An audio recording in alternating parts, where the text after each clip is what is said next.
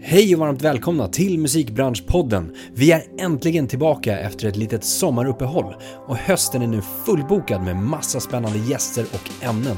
Jag heter Andreas Andersson och här möter vi framgångsrika personer från musikbranschen för att tillsammans dela inspiration och kunskap.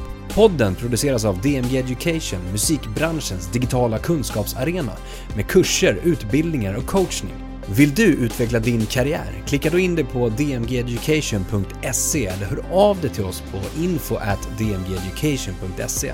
Dagens gäst har varit med i podden för länge sedan, då som VD för Musiksverige. Idag har hon startat och driver Tangent Market, en app och en marknadsplats för investeringar i rättigheter. Men det har inte varit en kort och lätt resa. Häng med när vi pratar om entreprenörskapsresan, Lindas olika erfarenheter och tankar kring rättigheter, styrning i musikbranschen och mycket, mycket mer. Linda Portnoff, varmt välkommen till Musikbranschpodden. Tack så mycket Andreas, kul att vara här. Eller tillbaka till Musikbranschpodden. Ja, hur många gånger har jag varit här? Det här är tredje, Ja. men det kommer utåt sett bara se ut som andra. Ja, just det. Ja. Vi har det där hemliga avsnittet som Det vi- hemliga som ja. ligger liksom begravt någonstans sådär. Ja. Nej men du, du var ju med, eh, du snackade med Niklas för, Ja, precis. alltså jag vet inte hur många år sedan det är, det är ganska länge sedan. Ja. Eh, Men i början av musikbranschpoddskarriären. Mm, Och då snackade ni massa spännande grejer. mm. Men nu har det hänt Jag kommer ihåg det. ännu mer massa spännande grejer. Jaha, sånt i livet. Ja, och sen så snackade du och jag för ett tag sedan också. Ja. Och det är det här dolda avsnittet som Mm. vi, Mm. Det kanske blir så här, ja jag vet inte, värdefullt framöver. Vi gör en NFT av det. ja, exakt. Det blir det. Um, nej men jättemycket spännande har ju hänt. Eh, och när vi snackade då förra gången, Ja. då hade du precis varit på en branschkonferens i USA, Mhm. South by Southwest. Ja, just det. Vilket är helt sjukt att tänka sig in i nu nästan. Mm. Att dels att resa dit överhuvudtaget Mm. och resa och sen vara på en stor konferens med massa människor. Mm.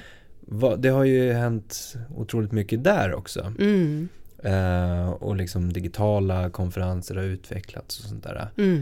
Sa, har du saknat under det här, vad blir det, ett och ett halvt året då? Har du saknat lite grann den aspekten av att ses eller få promota sin grej eller liknande på en, en stor grej, konferens?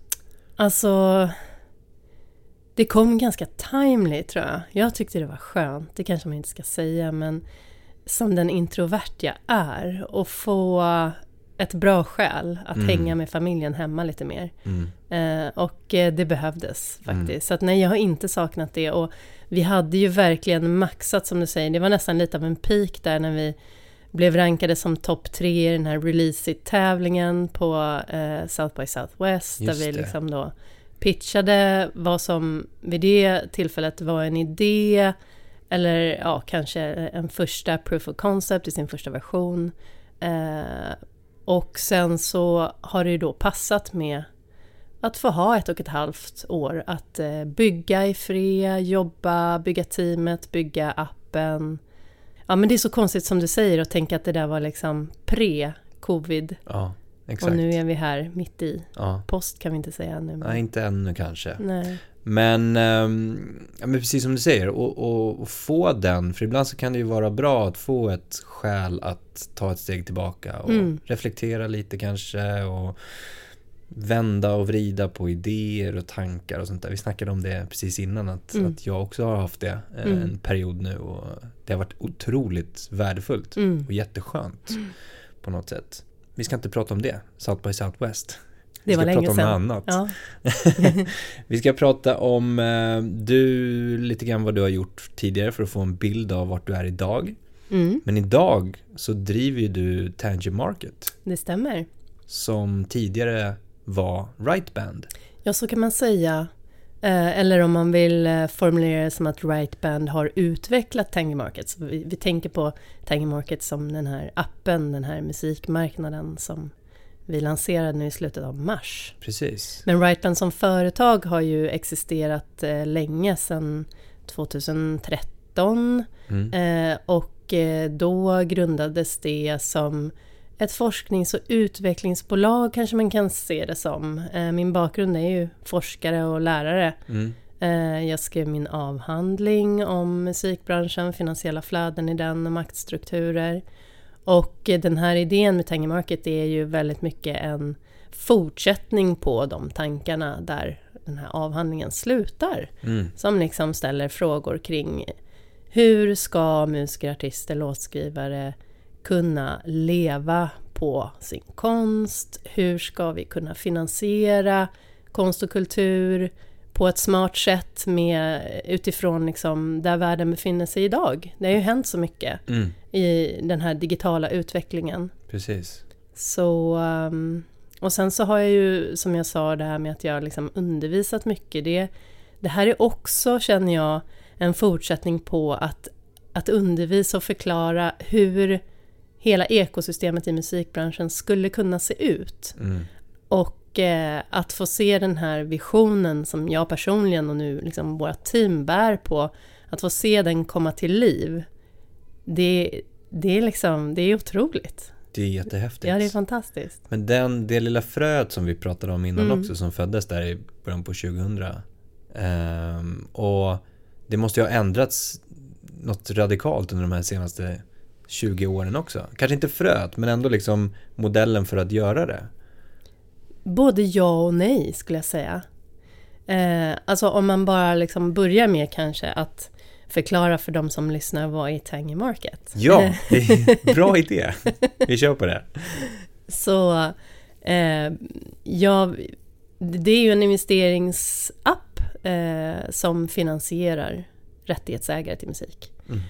Och eh, den här tanken är ju på sätt och vis inte ny om man tänker att det finns liksom Nordnet och Avanza och, och liknande motsvarigheter där du kan handla eh, olika finansiella instrument, råvaror, eh, aktier och sådär.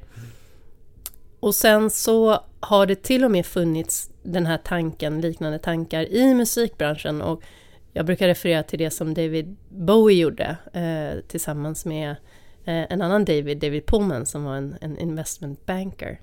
Eh, de gav ju ut, de sålde framtida intäkter av Bowies katalog så att han kunde liksom finansiera eller få, få ut en stor summa idag Mm. istället för att vänta tills att de tickade in eh, lite eh, i taget över en längre tidsperiod.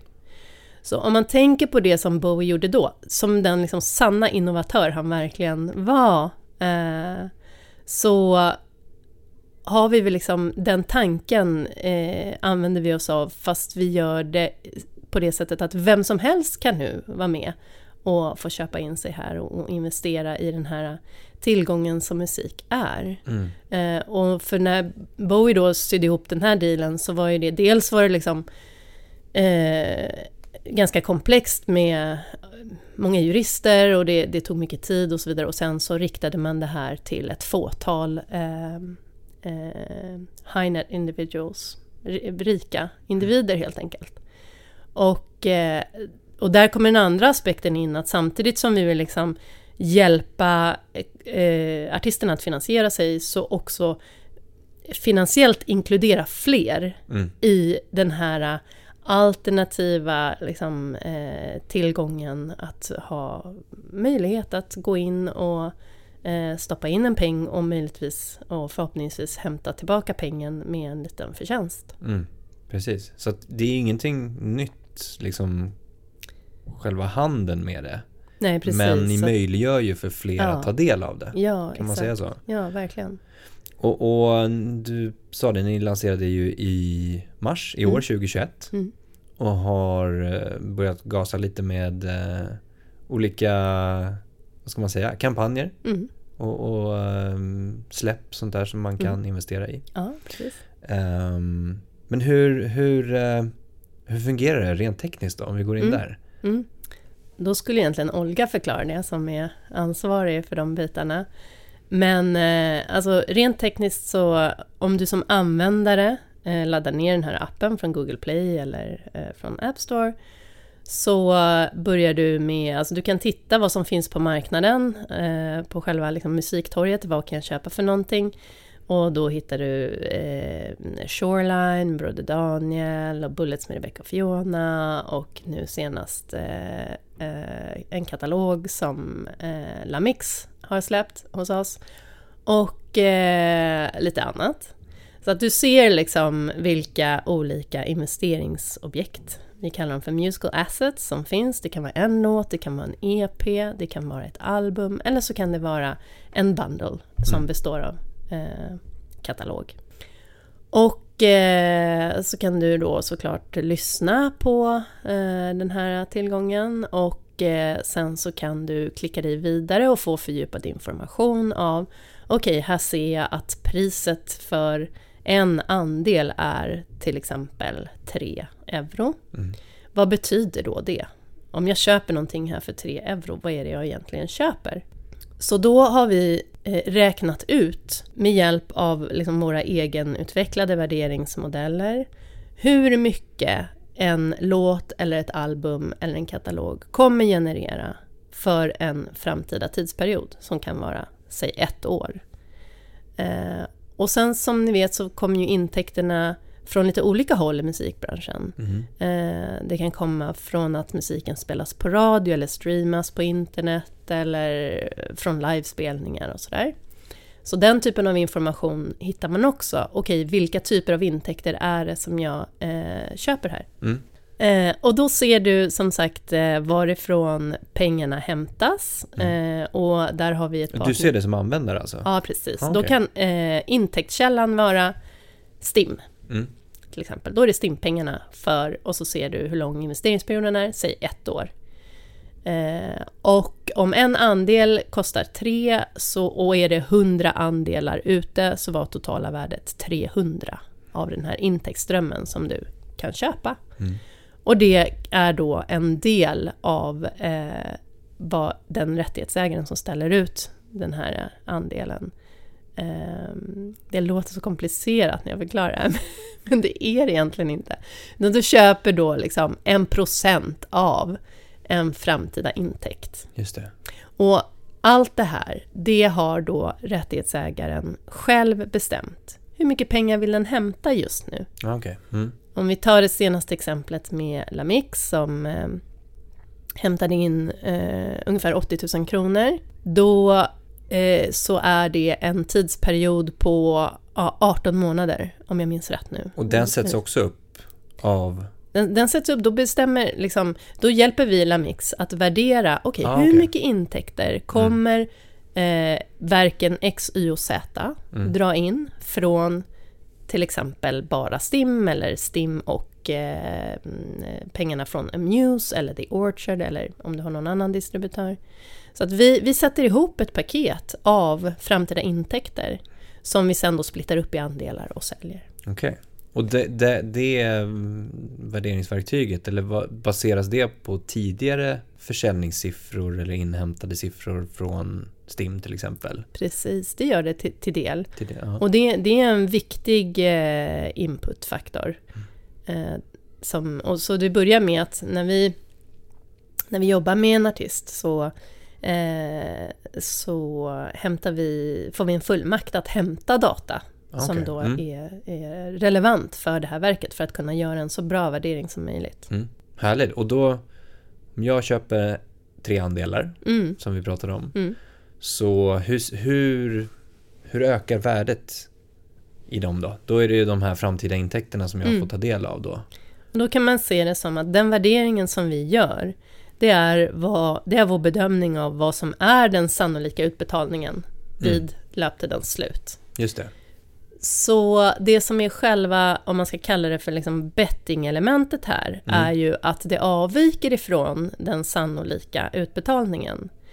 Och eh, förhoppningsvis, och det som vi gärna eh, liksom hoppas ska hända, är ju att med hjälp av ett mer utspritt ägande så kan det här värdet öka till en annan nivå än vad det hade gjort om du inte hade fått spridning till nya lyssnare, nya investerare genom liksom, eh, att de eh, lyssnar mer, att den hamnar på playlist, att de köper konsertbiljetter, att radion vill spela den. Alla de saker som gör mm. att intäkterna eh, tickar upp. Mm. Och, och jag som investerar då i det här, eh, den här andelen till exempel, Mm. då, kan jag påverka det? Eller Ja, du, hjälpa till att öka värdet på det? ja liksom? precis. Det kan du ju göra genom att allt som genererar intäkter som jag precis nämnde. Liksom. Mm, mm. Om du talar om för alla dina kompisar. Precis. Jag har precis eh, köpt en andel av det här. Lyssna på den, visst är den bra? Mm. Och så liksom börjar ni lyssna på den jättemycket. Ja, då kommer ju det bli en ökning utöver vad som eh, vad vi trodde då vid tidpunkten vid värderingen. Mm. Så det här är ju liksom den här eh, förväntningsaspekten. Mm. Och det, det är det ena sättet som eh, värdet på en andel kan öka. Det andra sättet är att köpare och säljare på andrahandsmarknaden, alltså för det första så har vi då ett bestämt antal andelar Mm. till det här initiala priset. Mm. Men när de har sålt slut, då så är det nu vem som helst som kan lägga ett bud på att köpa eller sälja till vilket pris man själv sätter. Ja, just det. Mm. Så det, det är ju också eh, ett möjligt sätt att realisera liksom, ett ökat värde som ur investerarens perspektiv. Mm. Att köpa någonting för tre och sen sälja det till någon annan för fyra. Och det kan man ju göra om, om det liksom, om finns signaler på att det har gått upp i värde. Att till exempel artisten annonserar att Wow, där blev jag bokad till Way Out West. Eh, då vet vi att det kommer öka Mm. Mm. intäkterna. Ja, men lite grann som en aktiekurs också, Mm. som du pratade om Ja. innan i, i, i företag. Och Mm. man ser på rapporter och man ser på Mm. liksom, uttalanden och sådana saker som Mm. kan, Mm. kan just- justera nivån. Mm. Exakt. Det här är ju superspännande. Och det är ju som du berättade innan inte liksom någonting som har skett över en, en natt. Eh, som många kanske tror. Att ah, nu, nu har de här dykt upp. Det måste ju startats nu senaste året eller något liknande. Det har det ju definitivt inte gjort. Det är ju som vi ser med allting att det är inte en overnight success utan det ligger blod, svett, tårar, allt möjligt bakom. Mm. Berätta lite om det innan då. Jo men det Eh, har du ju helt rätt i, visst är det så. Alltså, där är det ju också så att eh, eh, det finns, eller jag kanske ska säga det fanns en devis i Silicon Valley som var Move fast and break things. Eh, Exakt. vet, det, ska bara, det ska gå fort och det ska pumpas in pengar och du ska ta eh, världsherravälde och eh, bli eh, monopolet och så vidare. Mm. Och eh, det har ju visat sig mycket framgångsrikt för världens eh, sex största företag. Men det är ju liksom ganska svårt att... Eh, jag är ganska ödmjuk inför att liksom bli eh, nästa Google eller Mm. sådär. Så vi, våran strategi, våran väg framåt har ju varit någonting annat som snarare är liksom move slow and work with regulators ungefär. Mm. Eh, eftersom när man gör någonting som är eh, innovativt, det finns inget facit, ingen har gjort det förut, så, så är det ju väldigt många frågor som måste redas ut. Eh, vad är det här? Alltså rent konceptuellt, vad, vad, har vi, vad är det vi har fått fram för någonting? Mm, vad, vad är den mm. här andelen? Hur ska man tänka på det? Jag tror vi har nämnt ordet aktie, att vi gör liknelsen med en aktie, men det är inte en aktie eh, säger liksom gamla redovisningsforskaren från Handels, Mm. eftersom en aktie är en andel i ett företags egna kapital. Ja. Här köper du en andel av framtida royaltyintäkter, det är någonting annat. Vi kan Mm. alltså inte se på det här som en aktie. Mm. Eh, är, det en, är det en lott? Du köper någonting och du vet inte om du ska få någonting. Det är, det är liksom en helt annan metafor. Eh, är, det, är det ett lån? Du ger pengar till någon som kan göra nästa album och sen får du tillbaka. Det finns ju många olika sätt att se på Exakt. vad är det här för någonting? Ja. Och det är ju det här jag tror liksom vad som är gemensamt för oss i, i teamet är att vi, vi otroligt liksom, tycker sådana här frågor är väldigt spännande att få jobba med Mm. och att få bryta ny mark och att det inte riktigt är eh, att vi inte vet. Ja. Eh, och då så tror inte vi, alltså bästa vägen fram eh, kanske inte alla gånger då är att bara lägga i femmansväxel och Mm. köra på, Nej. utan lite ta det stegvis. Exakt. Och, och om man inte eller det finns ju också en risk att man går lite för långsamt. Det finns ju något, Absolut. Eh, något liksom och bara lite dör för... för det blir tradigt och liksom. Exakt, och att Ja. du inte riktigt vågar för att du ändrar modellen och konceptet hela tiden Ja. efter vad som händer. Mm, mm. Och att du aldrig liksom hinner lansera Ja. på något sätt. Utan oj, nu måste vi ändra den där featuren och man inte riktigt vågar göra det. Nej men precis. Det där är, det, det är ju precis som du säger en balansgång det där. Och att också eh, eh, våga, jag menar att sitta på kammaren och snickra på någonting länge. Eh, jag har en vän som har skrivit på en bok de senaste 30 åren tror jag. Mm. och eh, det, det är klart att det kan liksom bli mentalt ganska svårt att Ja. släppa boken. Ja, Eller hur? exakt, Du exakt. vet, ju, ju länge, och en sån här grej, det finns ingen, det finns ingen naturlig... eh, När ska man sätta punkt? Nej. Utan, eh, så för våran del, vi, vi har varit, liksom bedrivit forskning och utveckling och inte bara, ska jag säga, jobbat med utvecklingen av den här appen, utan vi har ju också, vi hjälper Musiksverige att ta fram statistik för Mm. den ekonomiska utvecklingen och jag har liksom undervisat här på DMG och ja, vi har haft många bollar i luften. Eh, och lite så här behövt skapa hela infrastrukturen för att vi ska kunna sätta oss i bilen och köra fram. Mm. Inte bara liksom, du vet, vi, så jobbar vi. Ja. Eh, men nu då som är så himla kul att vi har kommit in i den här andra fasen som är att helt plötsligt så från att vi sitter och tänker och filar till så är det någonting som är där ute live och det Mm. händer grejer. Och eh, vi har haft ett hundratals frågor i supporten från anv- nyfikna användare som ah, hur funkar det här, hur funkar det här, vad händer då? Och det är ju jättespännande och kul på ett nytt sätt Mm. att liksom få stöta och blöta det här på riktigt. Eh, och det är helt nya typer av lärdomar som går att dra av det också. Mm. Eh, även om, måste jag säga, att det går, det går att, att jobba väldigt mycket i tankevärlden också. Och att testa hypoteser utan att du har riktiga användare för saker och ting. Eh, men, men jag tror att den bästa balansen är att, att jobba på båda sätt. Liksom. Mm. Och ingenting slår ju att ha eh, riktig feedback från eh, riktiga användare. Nej. Ja, för ni kommer ju uppdatera nya versioner men det är som- löpande. ja, det kommer ju hända så exakt. pass mycket framåt också. Ja, men tänk på varje gång du liksom uppdaterar apparna i telefonen. Exakt. Jag vet inte hur många gånger man... Alltså det, det, är ju, nu, nu, det är ju iteration liksom, ja, ja. hela tiden. Och då, då att ta det första steget blir ju det största såklart. Att liksom få det Absolut. out there på något sätt. Ja. Men jag, jag kan nästan likna det lite grann också med eh, personer som vill komma in till exempel i musikbranschen och få Mm. ett jobb Mm. i musikbranschen. Mm. Att man riktigt känner, man kanske inte känner att man är fullärd Mm, att söka jobbet. Mm. Alltså att put it out there på något sätt. verkligen. Eh, och att likna lite grann det med det här också. Att Mm. du, du kan ju du kan ju plugga i alla evigheters evigheter. Jag har hört personer som liksom hoppar på nästa och nästa och nästa och sen är liksom helt slut för livet och, Ja. och, och bara hoppar vidare från studier till studier.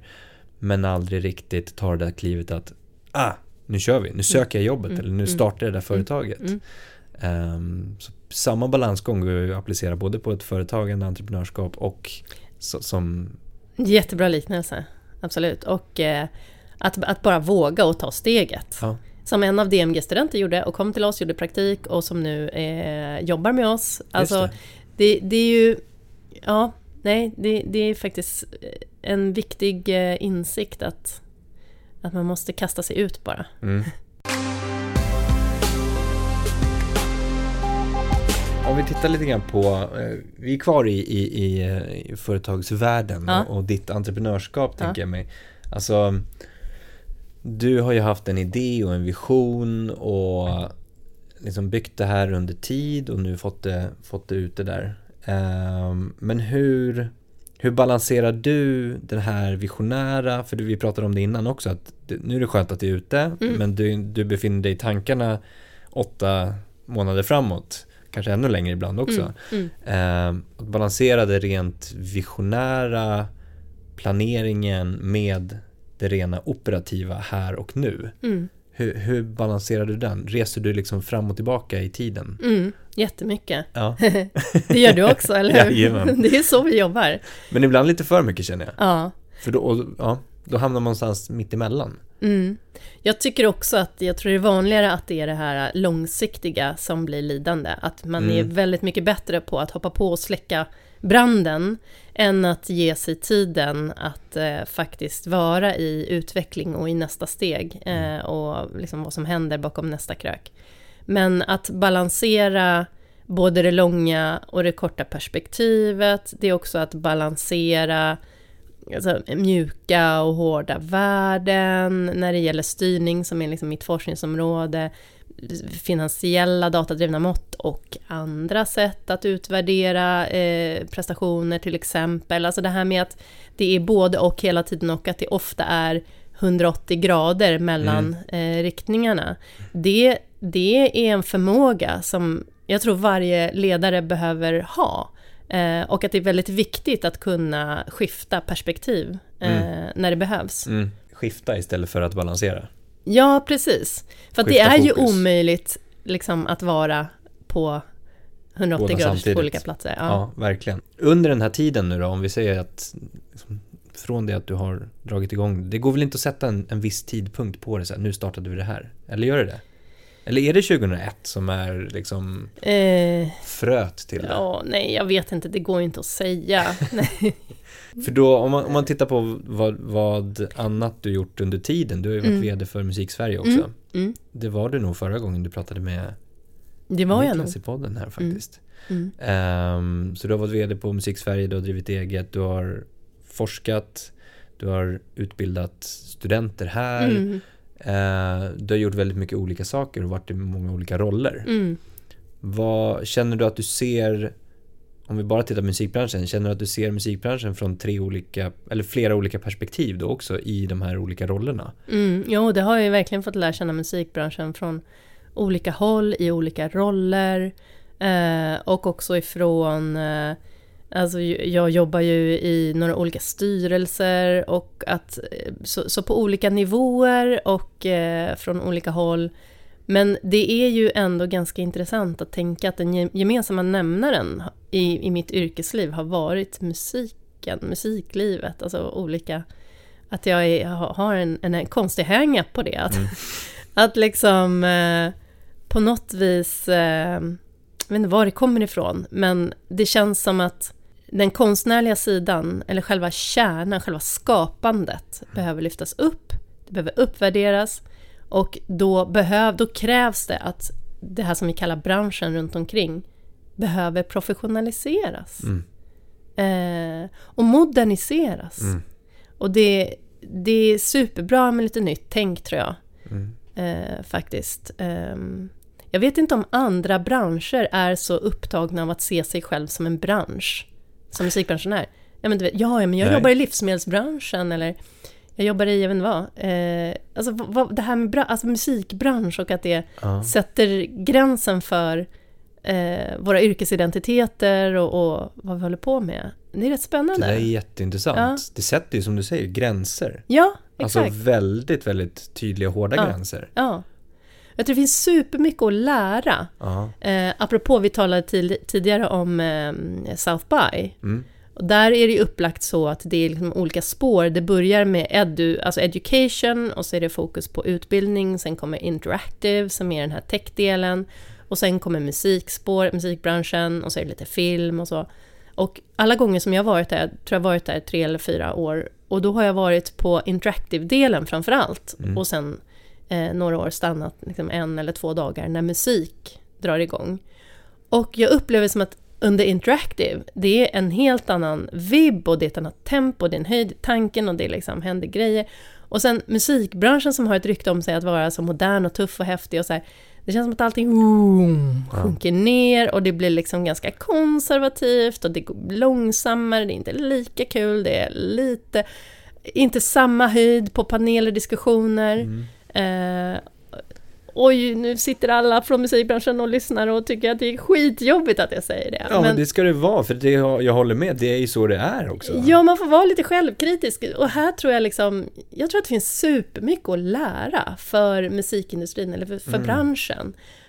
eh, från andra delar av eh, näringslivet, samhällslivet. Vad tror du att det beror på? Varför, varför är den, just den här branschen som vill labla den så pass långsam då? Jag tror att det är så jäkla kul att jobba med musik. Så att det blir... Eh, eh det rör inte på sig så mycket. Eh, makten är koncentrerad och, och, det är ju egentligen inte ett problem som gäller bara för musikbranschen utan det är ju generellt i samhället. Men sen är det också att det, det är många som stannar där de är mm. eh, länge. Mm. Mm. Och då kommer det inte in lika mycket friskt blod. Alltså för förändring kräver ju också att någon lämnar plats. Mm. Eh, så det, det, är väl svårt liksom, för har man hittat till, till drömtillvaron så är det ju såklart man vill inte lämna den. Och det mm. gör ju att, och sen att det också är ganska mycket sådär att eh, det rekryteras inifrån och internt och, och mycket praktik och, och så vidare. Eh, så att det blir liksom en liten damm. Mm. Eh.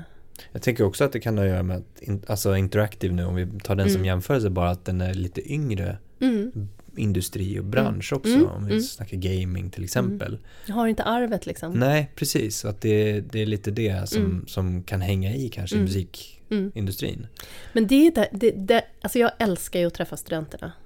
Och det som ändå är så häftigt det är ju att det här liksom nu när jag pratar utifrån mitt perspektiv som har varit med ett tag. Mm. De DMG-studenterna och, och de andra, den unga generationen, de kommer ju för dem, det här är ett nytt blad. Och det tror jag är superbra. Mm. Alltså de har inget arv. De ser inte massa problem och vad dåligt allting är och det här funkar inte och vart har alla pengarna tagit vägen och sådär. Utan de kommer ju bara rakt in i en eh, streamingekonomi mm. och eh, det, det tror jag blandar sig bra med. Om det får möta det här liksom mitt gamla garde som, som har varit med länge och sett hur det var förr och så vidare. Men att liksom att få möta olika perspektiv också vid generationsgränser och sånt där. Mm, mm. Det är nog fruktbart. Det tror jag är supernyttigt. Alltså ja. just att, att inte få med sig det arvet som du pratar ja. om då. Um, men... Um, och se möjligheter liksom. Ja, exakt. Hur ska vi få det gamla gardet med på det här då? Bra fråga. Kan inte jag få vända den till dig? Ja. Känns, jag, jag tänker och tänker, jag kommer ingen vart med den tanken. Eh, jag vet inte vad problemet är. Jag vet inte hur man får till den här. Nej, det, det, det är väl svårt. Nu, nu drar vi gamla gardet över en kant kanske. Ja, men, det ska vi inte göra eh, heller. Det ska vi inte. Men, men ähm, äh, jag tror ju lite grann att här, musik att det kan få en liten uppsving i energi i alla fall, mm. industrin och branschen nu efter corona. Mm. Eh, förhoppningsvis att, att det varit supertungt. Mm. Alltså vi har ju tagit ett superslag verkligen, mm. speciellt livebranschen som vi vet Absolut. och sådär.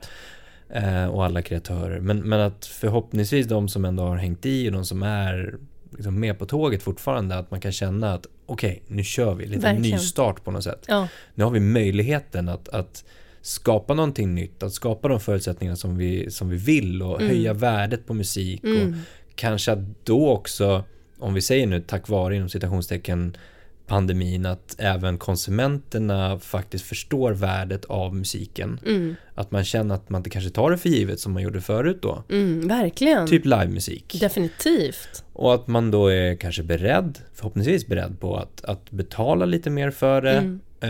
Um, så att det ekonomiska värdet på, av liksom livemusik och musik mm. generellt, hur det paketeras kanske höjs och vi ser mm. nya paketeringsmöjligheter mm. och allt som händer med det ni gör till exempel. Att. Det är en lite ny energiboost på något sätt. Um, tillsammans med det här nya blodet som mm. kanske då kan vara med och säga, men pusha lite, ifrågasätta lite och mm. dra lite och komma mm. lite idéer och, och sådär. Mm. Liten förhoppning som jag har i alla fall. Nej men och jag, det är precis som du säger, alltså det finns många indikatorer också på att eh, musikbranschen har möjlighet att gå in i nästa liksom, fas av mm. glory days. Mm. Eh, det har ju varit en guldrush på rättighetsmarknaden, det har inte undgått någon eh, med vad som har hänt med hypnosis och alla försäljningar och eh, multiplar som har varit liksom galna. Eh, så att det finns en extrem betalnings och investeringsvilja ja. i musiken. Mm. Eh, och sen så finns det också just nu säljare. Och det här är ju den perfekta stormen. Det finns köpare, det finns säljare och då sker det, jag blir så upphetsad att jag bankar ner mikrofonen här. Eh, då, då sker de här transaktionerna och det Ja. blir en omsättning och det händer eh, någonting, liksom det föder fram någonting nytt. Och det har också varit hela makroekonomin runt omkring det här att vi har haft eh, ett eh, nollränteläge. Så att jag menar att alternativa investeringar eh, generellt överlag är ju på frammarsch. Mm, mm. Och, eh, och så har börsen liksom all time high eh, nu på sista tiden. Så, och allt det här, jag menar ihop med det du nämnde, att kris föder innovation. Eh, det, det bådar gott för vad som kommer kunna hända. Mm. Ehm, Och också båda gott för de som vill ta sig in då, om vi pratar mot Ja, studenterna precis, till exempel, precis. eller andra som är intresserade av att, ja men den där musikbranschen som vi nu Mm. lablar den, mm, mm, mm, ehm, att den är spännande att ta sig in i, det finns otroligt många möjligheter framåt. Och även om det har varit tufft nu och en del kanske har antingen mist jobbet eller inte fått jobb eller Mm. liknande, så Mm. kommer det vara häng in där på något sätt. mm, mm, Det kommer hända så mycket mer. Ehm, Och, och sen, det är intressant liksom, jag tänker på ordvalet när du säger så här, åh, de, nu finns det möjlighet att komma in. Men jag ser det nästan som att, alltså du behöver inte någon som Nej. öppnar dörren för Nej. dig. Det, det, du skapar branschen. Ja. Alltså vi skapar ju den nya musikbranschen tillsammans, Mm. här och nu. mm. Och det har aldrig varit mer spännande tider, tycker jag, eh, än nu för Nej. det. Vi ser så många liksom vågor som, som bara sköljer in med nya idéer och friskt tänk och... Eh, ja, Bra, du behöver ju inte en nyckel för att ta dig in. Nej. Du behöver inte liksom bli Nej. insläppt. nej, nej, nej, nej. Det är liksom den, den här muren som har byggts, den här Ja, virtuella muren, inte Ja. en virtuell, en påhittade muren. Ja. Den finns inte. nej. Den är bara Ja. imaginary. Och det har öppnat upp för fler, tror jag också. Det ger nya typer möjligheter när ehm, vi träffas eh, via skärmarna och sånt där. Att det kanske är lättare för... Alltså förut var det väldigt mallat. Den som var bra i fysiska möten, som tog för sig, som liksom förde sig lätt i den typen av rum. Nu har vi andra typer som kanske mer gillade att klura på kammaren och sitta hemma, inte hoppa i morgontofflorna men ändå göra business. Och liksom, så det är så mycket som håller på att förändras just nu. Ja. Eh, så att vi, det blir spännande att se vad som kommer ur allting. Ja, otroligt spännande. Ja, Det, jag, nu blev jag exalterad över vad som ska hända. jag hoppas det ska hända massa saker i alla fall. Um, men om, om, vi, om vi tittar på det här med som vad ni har varit med och åstadkommit nu då med, med eran modell och om man ska titta på eller prata till kreatörer och artister bör man då som kreatör och artist titta lite bredare också? Alltså just vilka möjligheter finns det för mig att tjäna pengar, att marknadsföra min musik, att eh, ehm, samla in eh, liksom, nya användare, följare, alltså allt det här. Det är väldigt mycket digitalt. verkligen. Ehm, man kanske blir lite mättad också som kreatör för att just det är det kreativa man vill hålla på med. Ja, precis. Och vad ska man välja och sådana där saker. Ja, det tror jag har blivit mycket lättare idag, eller så som de flesta kreatörer jobbar nu är ju att de sätter ihop sina egna team, de, Mm. någon är expert på digital marknadsföring och man har en manager på, på ett annat håll och, och sen också att man har olika faser i sin karriär. Eh, du kan vara, eh, jobba oberoende, sen kan du kanske vara hos ett, en label eller eh, du kan ha ett förlag. Alltså, var sak har sin tid. Mm. Eh, och där, där vi kommer in i det här ekosystemet, det är ju, alltså, det vill jag säga till alla kreatörer som lyssnar, vi är öppna för business. Eh, behöver du finansiering eh, och behöver du typ ett lån utan ränta, eh, utan att sälja dina rättigheter, eh, kom till oss. Och vi kan hjälpa dig. Och det känns så fint med Lamix nu till exempel, som som jobbar helt independent och vi har haft jättebra samarbete med hans management också. Ehm, och som nu satsar på sitt kommande album som jag för övrigt tror kommer bli helt fantastiskt. Eh, han var ju liksom lite på topp där innan och så kom pandemi och allting Mm. och, och, och tryckte på paus som för många andra. Och nu så eh, använder han Tenga Market för att dra in pengar och betala sina producenter för det här kommande albumet. Så det är ett exempel på vad man kan använda oss eh, till som, som kreatör. Mm. Eh, och sen också som, ja, alltså som du säger, det, det det finns många alternativ nu och det tar ju för sig också tid att researcha mm. och att hitta och att vad, vad passar mig? Liksom? Mm. Vilka mm. kanaler ska jag nå ut i? Men om man bara går ner till själva kärnan, vad är det du, som du sa, du vill fokusera på att göra din musik och du vill få spridning och lyssna. Du vill att din musik ska möta åhörarna. Mm. Det är ju egentligen grundgrejerna. Det, det är ju allt du behöver. Um, och det, det kanske låter liksom väldigt tydligt, men det är klart att det kan vara en djungel där ute och, och veta hur man ska ta sig fram. Men jag tror inte heller det finns så en mall som passar alla. Exakt. Och, och har du identifierat de där första sakerna, liksom, då kan du ju börja identifiera, okej, okay, hur ska jag gå tillväga då? Antingen så gör jag det på egen hand, ja, det är en väg. Mm. Eller så tar jag hjälp av ja, team, precis. det är en annan väg. Ja. Men då väljer jag någon av de vägarna. Och så kommer du fram till nästa hållplats. Ja, men mm. Ska jag göra det själv? Ja, men då ska jag ju ut på några plattformar. Vilka mm. plattformar ska jag ut på? Ta beslut där. Precis. Eller om det är team, ja men vilka behöver jag i teamet? Mm. Så att, move forward, liksom mm. sakta, lite som vi var inne på där ja, också, sakta precis. men säkert ja. på något sätt. För att du, du bygger, i varje, varje steg du tar, mm. tar dig ofta, liksom, ibland är det ett steg fram, två steg bak. Mm. mm. Men om man tänker på det mer som att du tar dig lite längre fram, du kommer lite högre upp. Mm. I startupvärlden är det de här eviga finansieringsrundorna och du höjer din värdering lite till och sen så jobbar du lite mer och så ökar du värderingen lite till. Och det är samma för, för dig som kreatör. Mm. Du, du lär dig lite mer, du får ytterligare en färdighet, du knyter till dig ett nätverk som adderar värdet lite till. Du, du bygger ditt värde långsamt. Exakt. Och tiden är en viktig faktor för att bygga kulturellt kapital det som senare växlar ut till pengar mm. på en marknad.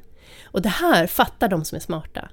Alltså om, du, om det går för fort, jag menar det, det kanske är det du vill, än ha en viral hit och sen hej då och göra någonting helt annat. Mm. Men, men de flesta är ju liksom in it for the long haul. Och då, då vill du bygga långsamt, för det bygger din trovärdighet. Mm. Det, det, är också ett relationsbyggande med, med fansen och de som lyssnar. Mm. Och det är som vilken relation som helst, liksom, att ju mer tid, ju mer liksom, dedikerad, innerlig, bra tid, mm. desto högre värde. Mm. Emotionellt, socialt, finansiellt.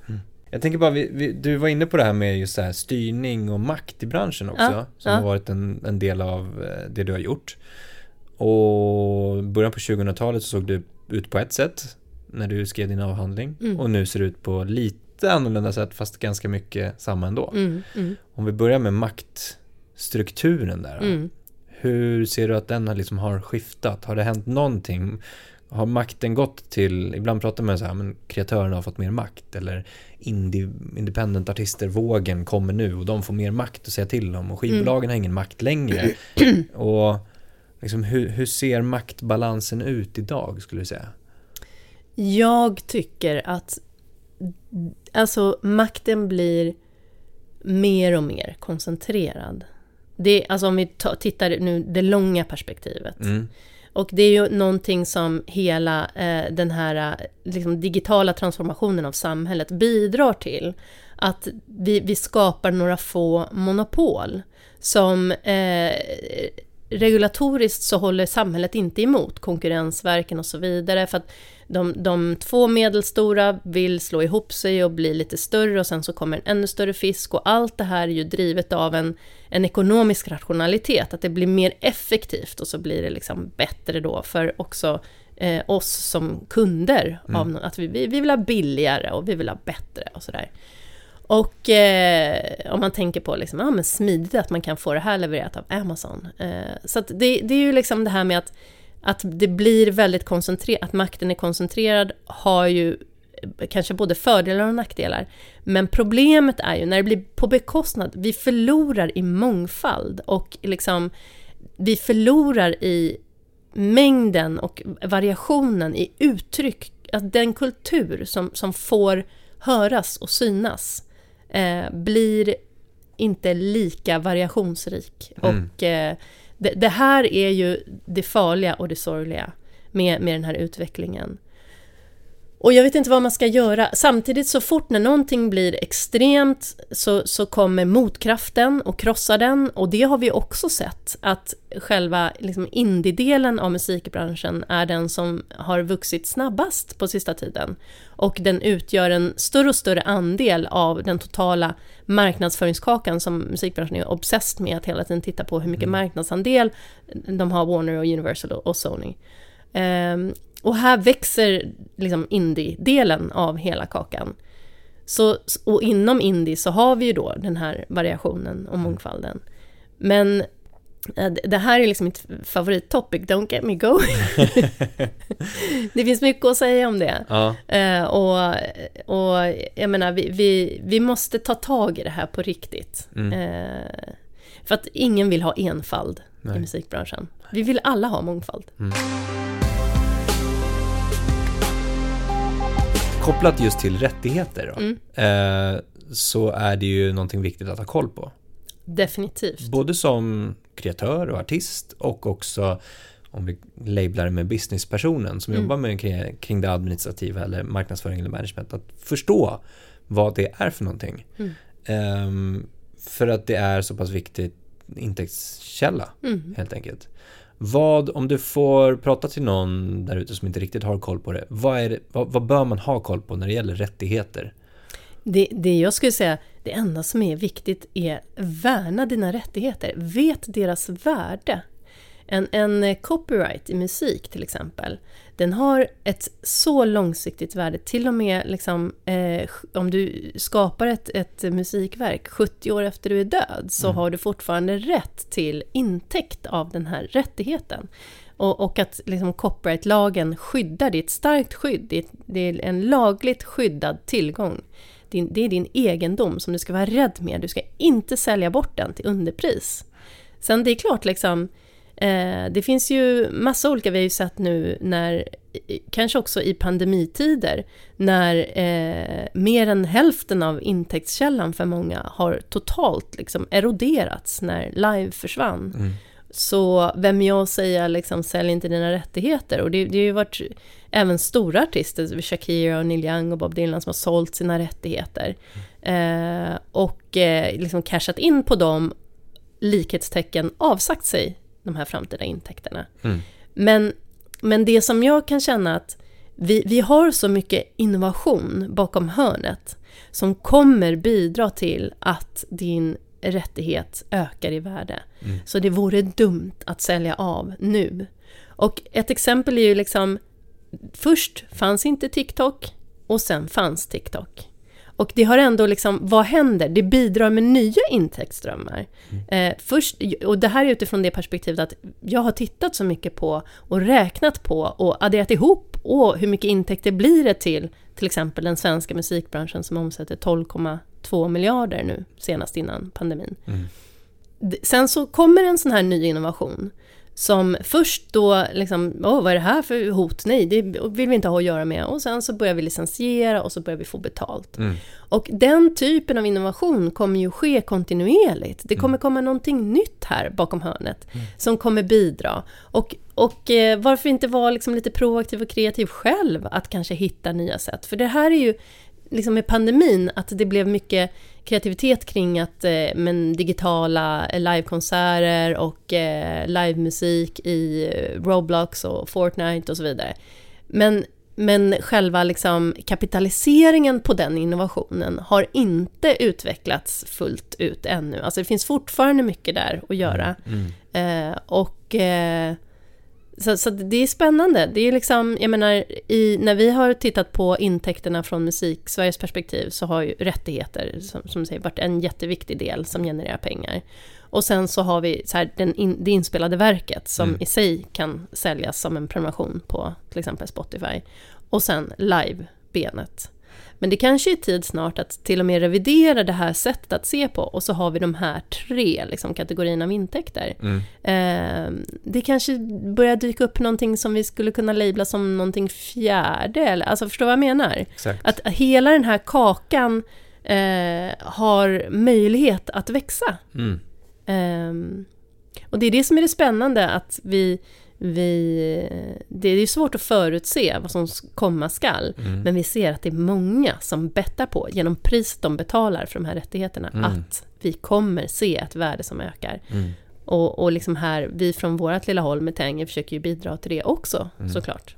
Så rättigheterna kommer ju troligtvis bestå som de är Ja, i, i sin form, men hur du använder dig av dem och de intäkterna du kan generera med precis. hjälp av de här intäkterna genom nya affärsmodeller, Ja. plattformar och så vidare. Och så vidare. Det är Ja. det som kommer ske framåt då. ja, Och, och har du då, äger du rättigheterna så kan du ju använda dem på många olika sätt också då. ja precis. Så det inte, gäller inte bara, precis som du säger, det handlar inte bara om att tjäna, musik, eh, tjäna pengar på musik genom att sälja musik Nej. som många kanske har uppfattningen om. Nej, precis. det finns så pass många fler under det här benet som du pratade om, eller Mm. så här ena, ena delen som kallas för rättigheter, där finns det ju massa olika liksom rötter Mm. som genererar pengar. Mm. Och de rötterna är ju de som kommer bli fler. Precis, precis. Jättefin bild. Det är ju, det är ju så det är. Ja. Verkligen. Och sen ur, utifrån de här små rötterna så kommer det ju så småningom växa upp värsta jäkla eken där som blir Exakt. så stabil. Precis. Och bara kanske liksom, det här är nya källan, Mm. pumpen liksom. Mm, Vad mm. blir det? Mm. Uh, Så håll i rättigheterna för att få en ek. Ja. Vi ska ta och avrunda, vi kan ju snacka hur länge som helst om det här. Ja, det Eh, kan vi. Vi får ta en eh, 2.0 ja, helt rätt. enkelt. Ehm, men om vi bara avslutar lite grann med ehm, kortfattat, idé versus utförande. Får jag bara pausa den lite? Ja. För det känns som att vi har pratat så himla mycket om pengar. Ja, Och eh, det, det, är ju, det handlar ju inte om det överhuvudtaget. nej, Alltså, och vi har pratat så här bransch. ja, Men huvudordet är ju egentligen musik. Det är ju det. Mm. Och det, det är ju liksom varför, varför jobbar jag med musik? Varför jobbar eh, en artist med musik? Det har ju inte med pengar att göra i första hand. Det här är ju någonting större. Du, du, att göra musik är ju att lämna efter sig ett kulturarv. mm, Det är ju liksom... Och att, att, att ge musiken eh, en möjlighet att förflytta sig från dig till någon annan. Alltså det är ju de här grejerna det handlar om. Jag vill bara sätta det i perspektivet. För det, alltså, när man pratar så här bransch och, och, och pengar så låter det ju så himla futtigt och ointressant och meningslöst. Och liksom, jag menar, ehm, och är man intresserad av pengar och, och någon bransch, då kan man ju som sagt jobba i livsmedelsbranschen eller jobba med liksom, någon lukrativ business där man tjänar mycket pengar. Mm. Men så att liksom, det, det är ju...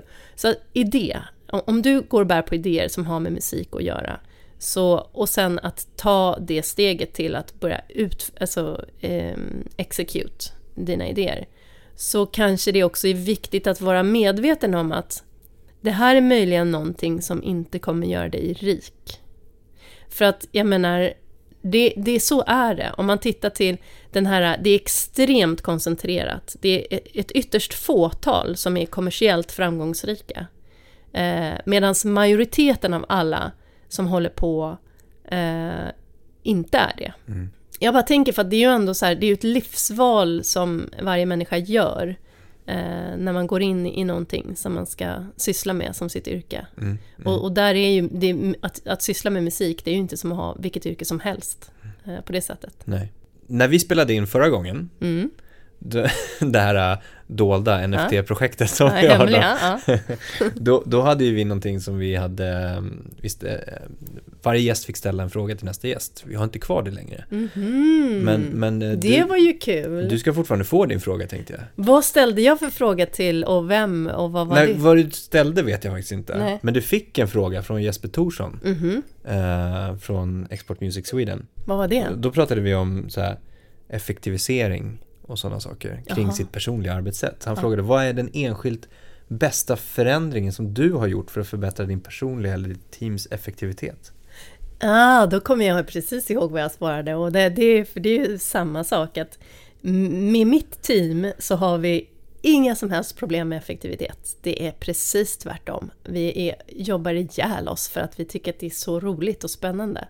Och det här är ju också, tror jag, liksom, när vi pratar om den nya tiden och den nya branschen och allt spännande som händer, så eh, att, att göra någonting, gå in i, i någonting med fantastisk motivation, Mm. då behöver du snarare hjälp att liksom någon håller tillbaka och ger dig förutsättningar att arbeta balanserat, eh, liksom privatliv, arbetsliv, med alla mm, slack och mail och som, alltså det är så lätt att eh, göra för mycket. Mm. För att det är för kul. Mm. Så, så jag tror, jag tror liksom att för, för oss handlar det mer om att stötta varandra i att inte... Ja, att, att spara på kraften för att vi, det här är ett maraton eh, som vi har gett oss in i. Ja men grymt, bra svar. Du ska inte få ställa en fråga till nästa gäst för vi, vi, vi, vi skippar Nej det. men vad bra, då Ja. behöver jag inte spänna hjärncellerna längre. men däremot ska du få, få, om du får avslöja något framåt Ja. eh, med Tangy Market. Har ni något du kan avslöja? Eh, ja men absolut, jag kan avslöja att vi har så mycket spännande grejer i pipeline. Eh, vi släpper nya grejer på löpande band och eh, så som det har sett ut nu i appen med de användare som vi har så eh, det säljer slut snabbt. Eh, Shoreline tog eh, två minuter. Eh, Francis Moon, eh, tre minuter. Eh, Lamix som var en jättestor asset, några timmar. Och eh, så att vill man hugga någonting till ett bra pris, då ska man eh, vara eh, beredd på. Eh, och det kommer, det kommer jättemycket spännande grejer. Och apropå mångfald, så där vi lever som vi lär. Det kommer en mångfald av eh, musik i varierade genrer, olika typer av rättighet, alltså intäkter från rättigheter, olika typer av eh, artister, låtskrivare, förlag. Eh, så att, keep an eye out. Coolt. Det Yeah. ska bli jättespännande att se. Mm, tycker vi med. Linda, jättetack som vanligt. Ja, stort tack. Superkul att snacka med dig. Ja, det är det alltid att få komma hit.